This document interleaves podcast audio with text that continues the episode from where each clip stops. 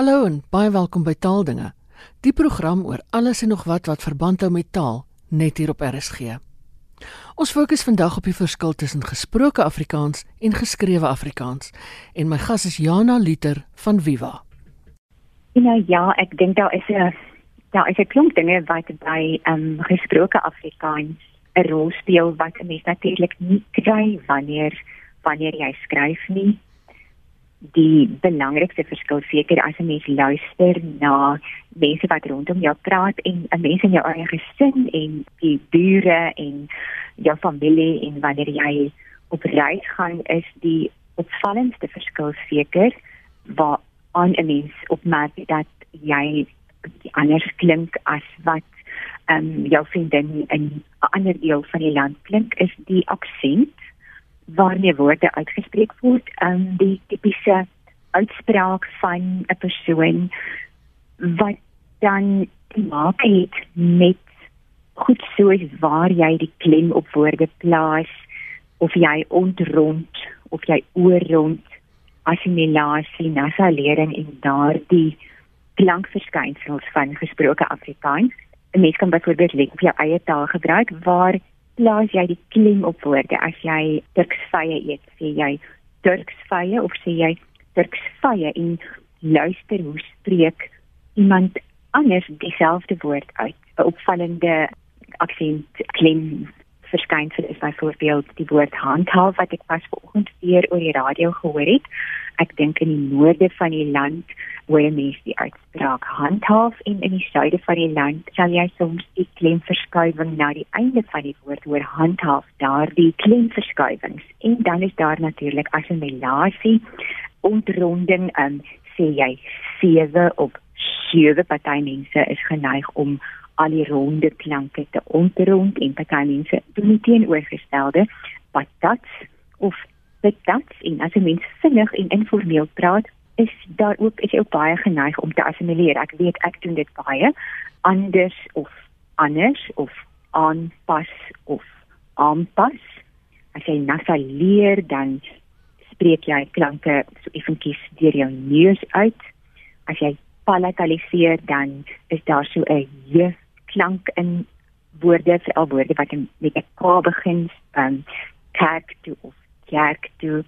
Ons ruil letters om as ons praat persent en present. As jy in die Boland woon dan brei die mense daar rol die R so lekker.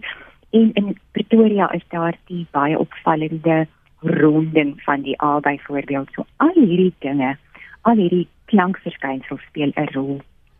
in gesproke Afrikaans maar dan is dit natuurlik ook ander dinge soos unieke woorde unieke uitdrukkings sinspatrone wat verskil van plek tot plek. En dit het nou veral met die verskillende variëteite van Afrikaans te doen nie waar nie.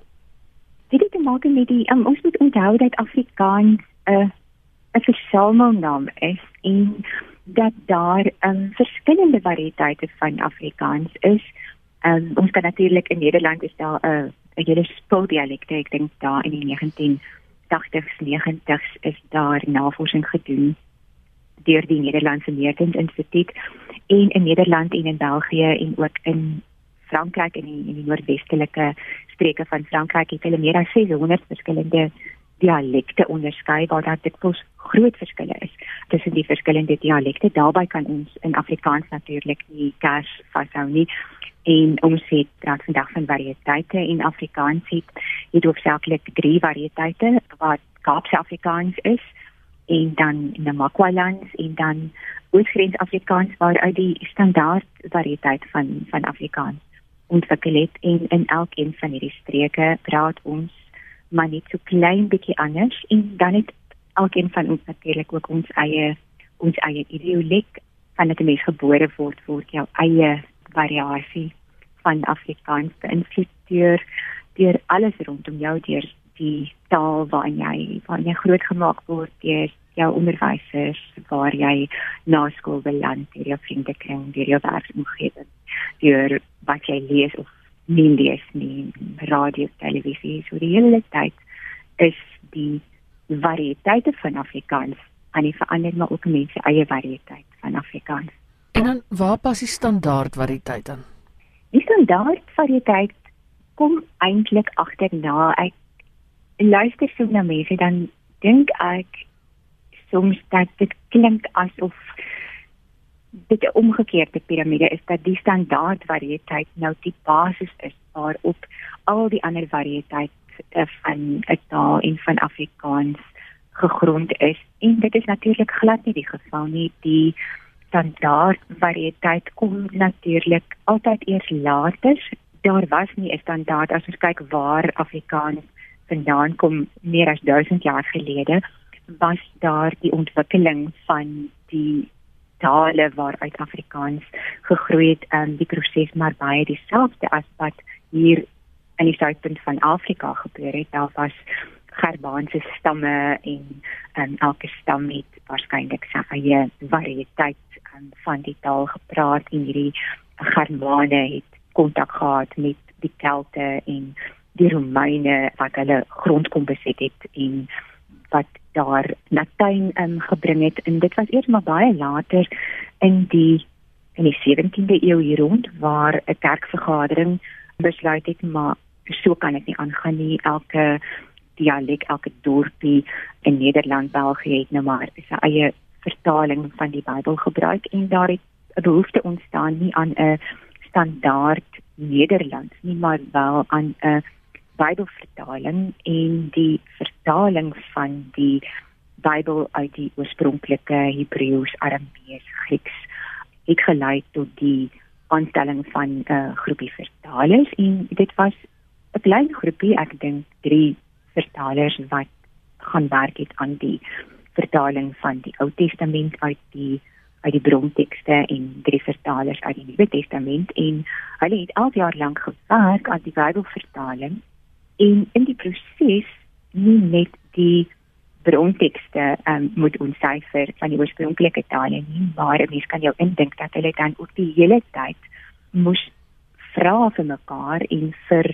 mense maar watter woord gebruik julle hiervoor en watter woord gebruik julle hiervoor en verskillende woorde en verskillende uitdrukkings en sinskonstruksies teen mekaar moet opweeg om te besluit maar hoe moet ons nou skryf en hoe moet ons nou spel? En die eindproduk van daardie Bybelvertaling wat in 1635 dink ek voltooi is was dan nie net die eerste amptelike Bybelvertaling maar ook die basis van die geskrewe standaardvorm van Nederlands. En die gesproke standaard daar het eers later ontwikkel wanneer mense dan wat kan lees en skryf na universiteitsstede gaan om te studeer studente. En daar na mekaar luister en die verskillende dialekte by mekaar aanpas en wanneer hierdie studente dan afstudeer en teruggaan na die dorpies en hulle word onderwysers en notarisse en predikante dan neem hulle hierdie standaard variëteit van van digitaal um, saam met hulle terug in die mense en hulle leer dan skool nou of die gemeentelede sien dan die variëteit wat van buite hulle geografiese gebied gebring is as die as die standaard vorm van Nederland. En as ons dit vergelyk met Afrikaans dan het die standaard variëteit van Afrikaans maar op 'n baie soortgelyke manier ontwikkel uit die verskillende dialekte wat in die 17de eeu aan die Kaap gepraat is. En want dit was 'n gesproke taal. Mense het nie vir mekaar briewe geskryf nie. Daar was amptenare die amptenare wat waarskynlik die Statebybel met hulle saamgebring het en wat die standaard Nederlands van die tyd gepraat het maar daar was baie meer matrose en soldate en Duitsers en as jy mens vandag luister byvoorbeeld aan um, op Twitter um, daar kan lees en in waar daar baie geskryf word in nog van die Nederlandse dialekte variëteite en asook baie mense baie trots. En jy lees en luister na potsendings waarin daar byvoorbeeld Neder-Saksies gepraat word of of Limburgs die dialekte wat daar gepraat word waar Nederland aan Duitsland grens dan wanneer jy die geskrewe taal lees is dit is dit moeilik om te verstaan dan wanneer jy um, na Nedersakkies byvoorbeeld luister dan hoor jy nog daardie invloed van daardie variëteite van Nederland wat baie ooreenstem nog met Afrikaans met moderne Afrikaans. En daar was natuurlik invloed van um, die mense van hier die die Khoi en die San en mense wat uit Indonesië gekom het en uit Arabië en uit Afrika en uit Madagaskar en Maleis Portugees van die tyd en uit hierdie hele smeltkroes het Afrikaans ontwikkel het gesproke Afrikaans ontwikkel en die standaardisering van Afrikaans het eers maar 100 jaar gelede begin en verlede jaar het ons die Jofies uitgawe van die Afrikaanse woordelys en spelreëls is gepubliseer en daardie proses om en um, te kom by 'n standaard variëteit van Afrikaans um, dit was maar oor die afgelope eeu die werk van die Taalkommissie van die Suid-Afrikaanse Akademie vir Wetenskap en Kuns waar daar besluit is om Afrikaans as skryftaal te vestig en om reëls te probeer formuleer om 'n eenvormige spelling en 'n skryfwyse vir Afrikaans daar aan gebruikers beskikbaar te stel ook om Afrikaans te ontwikkel tot 'n hoë funksie taal maar aan die ander kant en veral vandag is die werk van die taalkommissie nie meer om reëls te formuleer nie maar vandag werklik om 'n speel te hou in die groeiende woordeskat en die veranderende maniere van sê en behoeftes van Afrikaans as 'n skrywende gemeenskap um, beter na te voer en, en ja en te, te reflekteer te weerspieël. Taal is 'n veranderende proses soos wat jy nou vertel het. Wat kom eerste? Gesproke taal of geskrewe taal? Ek dink daar moet baie meer aandag um, gegee word aan aangesproke aangesproke Afrikaans en veral wat betref in die in die skole moedertaalonderrig standaard Afrikaans is om verskeie redes 'n uh, 'n nuttige 'n nuttige variëteit maar in die eerste plek hoort die taal van 'n mens self. Dit is jou Afrikaans en ek haal altyd vir wyle professor Johan Kombrink aan wat ek dikwels gesê het en daaroor geskryf het dat standaard Afrikaans ongetwyfeld belangrik is, maar as 'n mens standaard variëteit van 'n taal altyd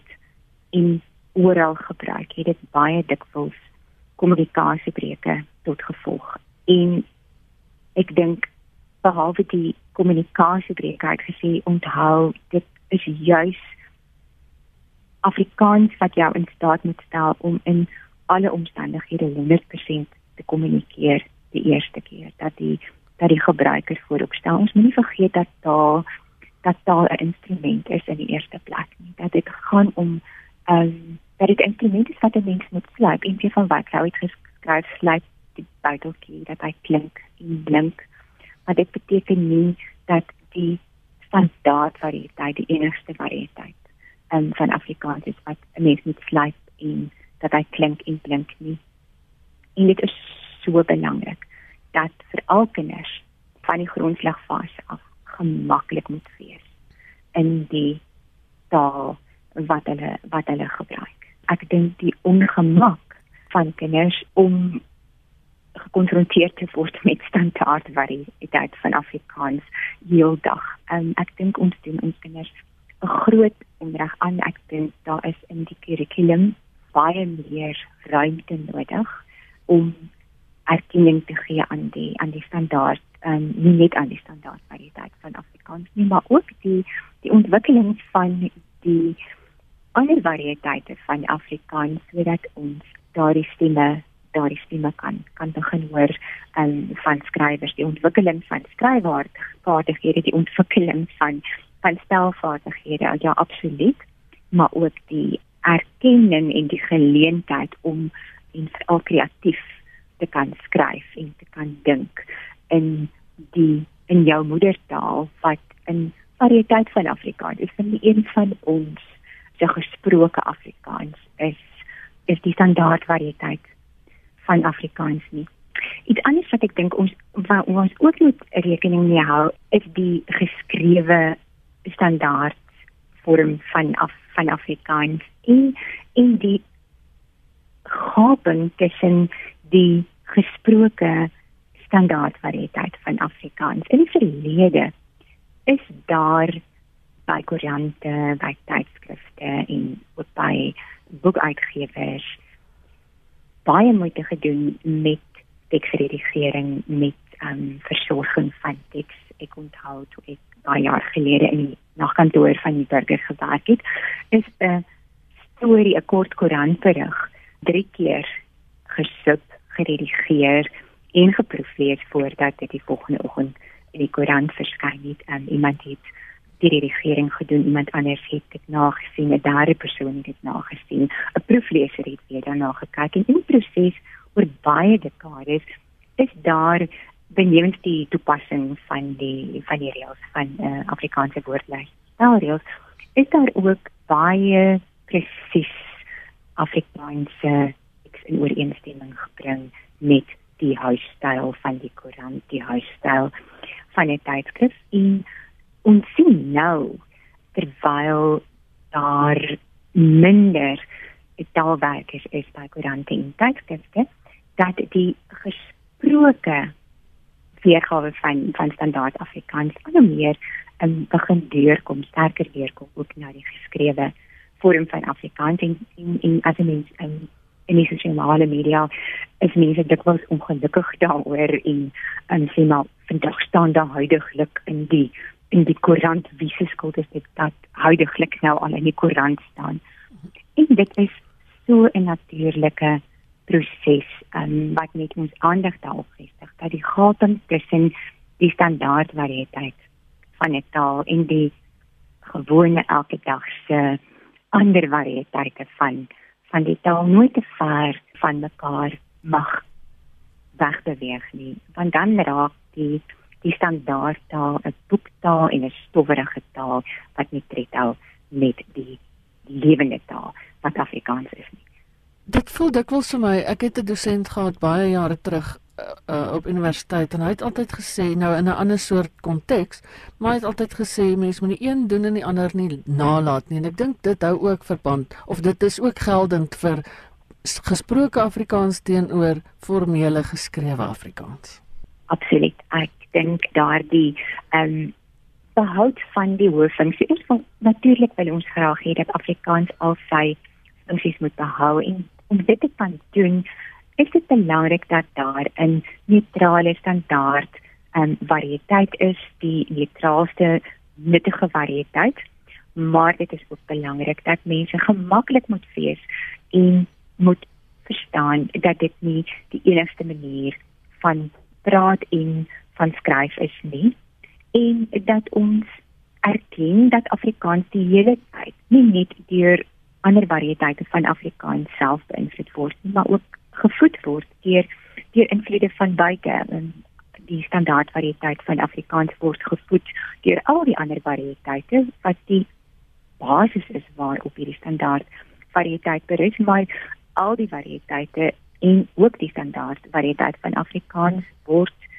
gevoed deur invloede van buite. Die radio waarna ons luister, die koerante wat ons lees, die internet en so baie van die inligting um, wat ons kry en die kennis wat ons lof kom na ons toe